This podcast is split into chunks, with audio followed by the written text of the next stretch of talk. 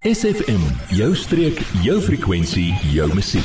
Dis donderdag en jy weet wat dit beteken. Elke donderdag net na 11 gesels ons omgewingsake en soos altyd my voorreg om Fred Orban in die ateljee te hê. Fred, welkom ons. Goeiemôre. Baie dankie maak as seker nie nodig om 'n weerberig aan die Mosselbaaiers te gee nie want dit is pragtige weer maar ons maar vir die buitewêreld waar hulle ook luister mense wat in karre ry en wat oor see sit luister na ons programme nogal van tyd tot tyd. Ja, en dit is pragtig, gespreentjie mooi vandag vir het en is so lekker warm en bedomp. Ons het die vorige oor die hawe te kyk natuurlik en al die skepe te sien inkom die vissersbote. Ja, skryf dit nostalgies raak as jy oor kyk. Let us say it in English as well. We have yeah. the most beautiful weather in Mossel Bay today and welcome to our friends in Europe and in America and in Canada. Nou Fred, ons gesels nou vir die afgelope maand van Februarie, ons maar wat ons in beweeg. Ehm um, gesels ons oor die kusgebied. Nou ons gaan nog aan op daai trant. Ons gesels bietjie, ons gaan bietjie terug in tyd so hier en daar en ons gesels oor wat daar was en hoe dinge nou is en hoe dinge daai tyd was. Nou die ekologiese voetspore van die moderne mens op ons kusgebied vanaf die 17de eeu tot op datum. Kom ons begin eers daar. Ja, ons moet daar begin want uh, kyk, die Afrika was maar meer inheemse mense gewees wat hoofsaaklik gelewe het van af wat die natuur geoffer het, jy sien. Want daar was nie landerye en en uh, plase en sulke soort van dinge. En met die aankoms van oom Jan sal ons maar sê van noem hierso vir almal se doeleinde is van Riebeek het hulle ek bestaan hier in Mosselbaai. Nee hierso was ou Dias en, en daai ouetjies was hierdie kant toe gewees maar hulle het nie gevestig nie weet. Uh, hulle was 150 jaar voor Jan hierso ja. oom Jan as ons maar so sê Nou ja, met met Fariewe se aankoms, kom ons sê wat was hier gewees daai stadium wat hulle opgeteken het in hulle boeke en hulle was verbaas natuurlik om van Europa af te kom. Maar wat hulle hierso gesien het al eeue voor voor dit uitgeroei was in Europa, want daar was Europa het ook maar sy baie groot wild gehad en daai soort van dinge. Wat was hier? Hier was renosters daar om om die Kaap, in Kaapstad, daar om Kaap, ja. in die berg, oral. Baie van hulle. Seekoeie, ons dink byvoorbeeld aan seekoeie vlei. Ja. Hy daar was so baie seekoeie daar gewees. Waar is hulle vandag? Daar was olifante.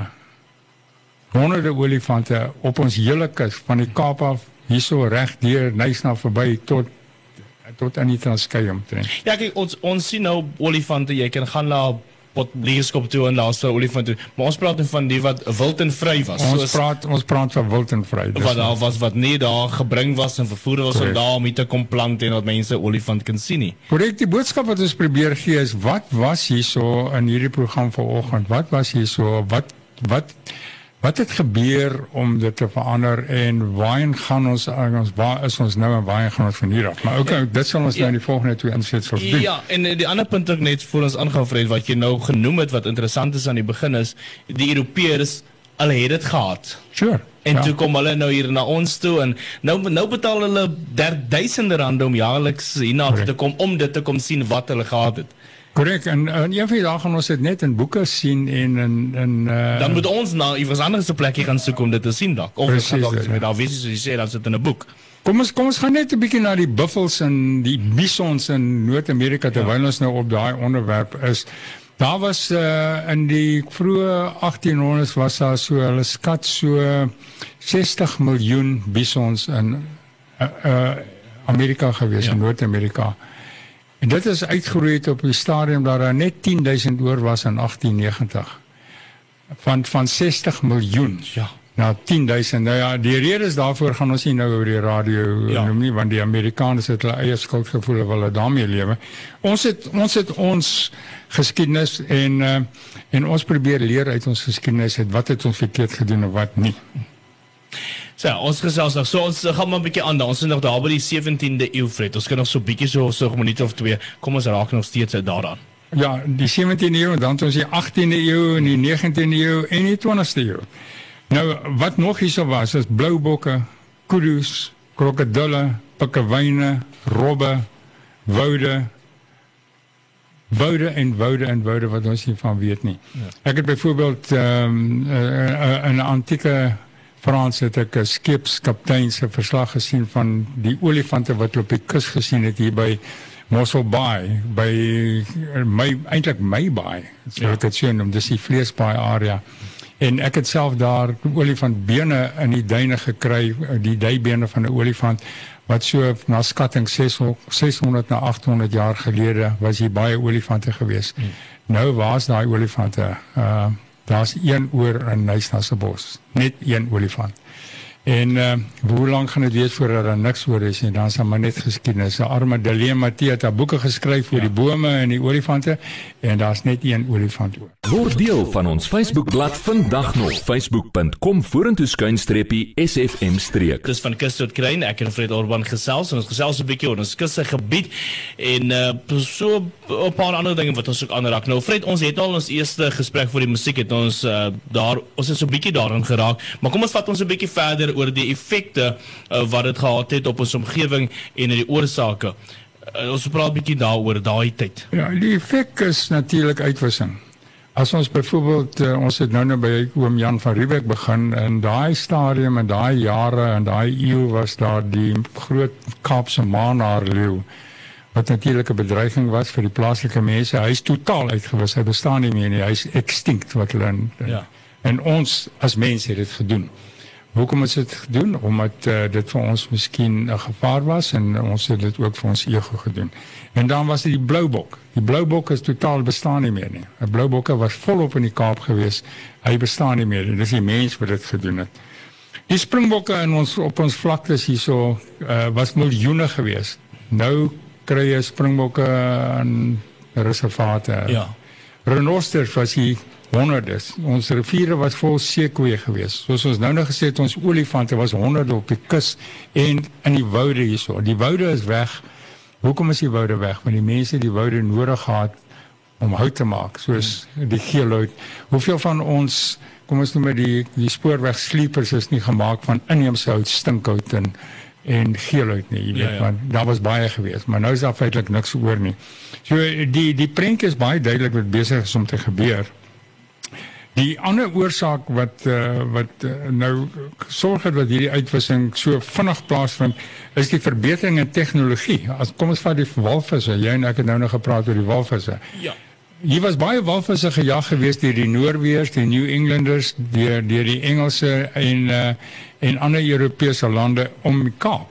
Maar daai die eerste walvisse was gegooi geweest met harpoene waar die mense in oop skuite gery het en tot teen die walvis moet gaan en hom met doodsteek met 'n basies met 'n harpoen en dan moet hy nog daai walvis insleep op.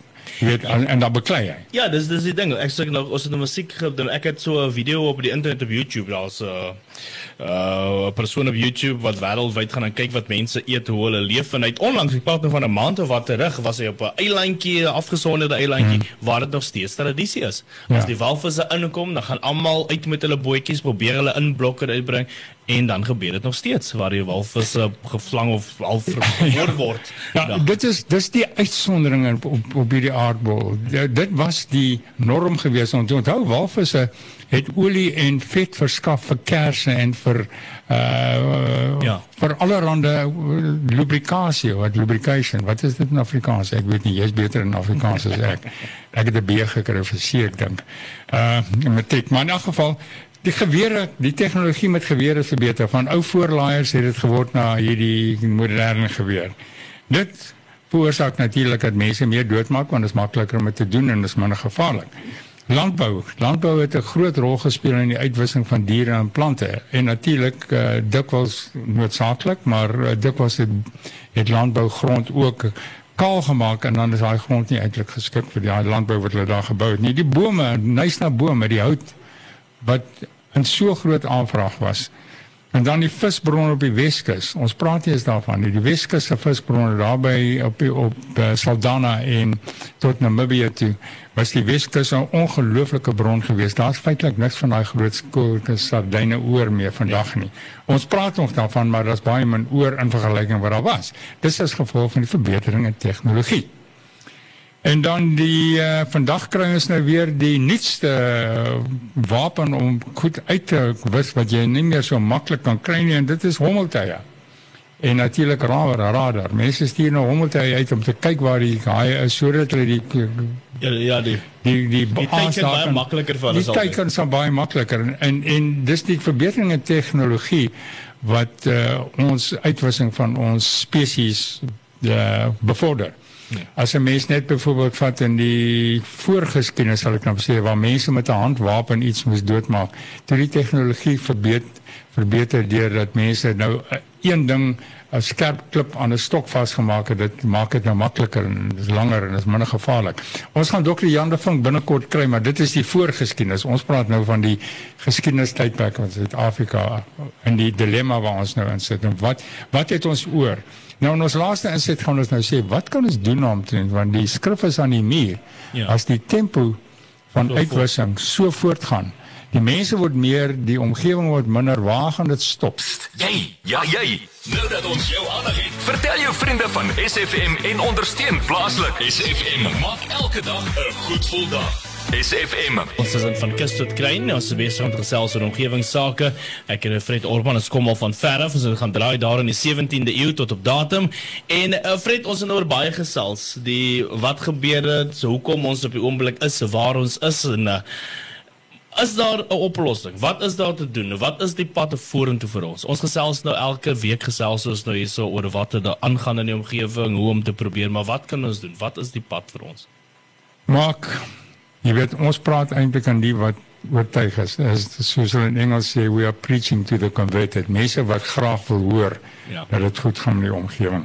Jy verstaan? So ehm uh, ja, ek ehm uh, Ek weet nie wat die pad vorentoe is nie. Al wat ek weet as die publiek, die algemene publiek, die inwoners van 'n gebied nie inkoop in bewaring nie. Met ander woorde, as hulle nie self alles wil bewaar wat hulle moontlik kan bewaar nie, dan het die natuur nie 'n kans nie. Kyk wat gebeur op die tuinroete nou. Hier is 'n enorme druk op die tuinroete om mense te huisves. Hoekom? Omdat sekuriteit in ander areas in die land nie meer wat dit is wat dit was nie. Ja En nou kom die mense hier na toe. Nou dit beteken hier moet meer ontwikkeling plaasvind en die natuur bly in die slag. Want soos jy nou 'n dorpsgebied ontwikkel, dan meeste van die dorpsgebiede al die mense al die bome uit. In elk geval, ja. is 'n ou erf huis op 'n erfbou, dan stoot hy alles plat as hy kan. En hy doen dit uh, voordat Cape Nights gekom en hom verbied het om my melk uit te stoot. Dan stoot dit gou uit dan sê ag sorry man, ek het dit nou per ongeluk gedoen. Jy verstaan ek kry die tweede boete. Of wat ook al dit is. Maar die uitbreiding op ons kus gaan veroorsaak dat ons wild al hoe minder en minder word en dat hierdie wilde diere in meer en meer in hokke geplaas word. En as ek sê hokke, dan praat ek nou van reservate. Uh ja, reservate van groter en kleiner aard.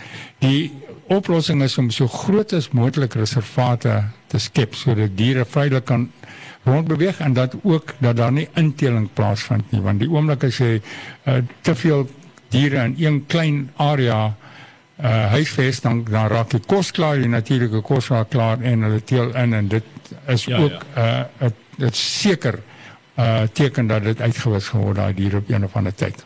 So kom ons almal hier op die Mosselbaai gebied en almal wat na ons program luister, kom ons wees net 'n bietjie meer bewus en besef net dat wat 300 jaar gelede hierso was is nou lankal nie meer hierso nie. En wat gaan gebeur oor 50 jaar want in die laaste 60 jaar het die groot vernietiging plaasgevind op die ekologie in die Kaap. Ja. Ja, ons wil nie weer oor 5 of 10 jaar wil ons sê kan julle nog onthou toe ons nog walvisse gesien het hier by ons in Mosselbaai. Ja, hier is ons nog 'n foto van 'n olifant. Kan jy dit glo dat ja. olifante hierso, dat hier olifante was? 'n Mens kan dit nie glo nie. Ons kan dit nou nog nie glo nie. As ons hier uitkyk by ons venster, ons sien al die huise en ons sien al die petrolstasies en ons sien al die ander goed. Ek dink ek hier hier was olifante. Hulle het hier geloop. Hulle is nie meer hier nie. Ja. So hoe verdryf ons hulle? Ons verdryf hulle totdat daar niks meer gaan oorwees nie. Nou, party van ons gee nie om nie. Sê wat maak 'n saak as daar nie olifante en buffels en en biodiversiteit is nie, maar dis die biodiversiteit wat ons as mens, as 'n spesies sal red. As daar nie biodiversiteit is nie, is ons ook in die slag gebly. En dit was dis was vir ons tyd het hierdie week Fred volgende week maak ons weer so hier op SFM en so net na 11 elke week is omgewingsake so na ons 11 in die bulletin. Weer eens waardeer 'n lekker dag verder. Totsiens. Baie dankie en sterkte van sulke mense soos Landmark Foundation en Boel Smits en daai ouens wat so probeer om die luiperde te red en hulle in die wilde plekke te hou. Dankie baie daarvoor. Adverteer jou besigheid vandag nog op SFM. Vir meer inligting skakel SFM gerus by 044 801 78 Yeah, yeah, yeah.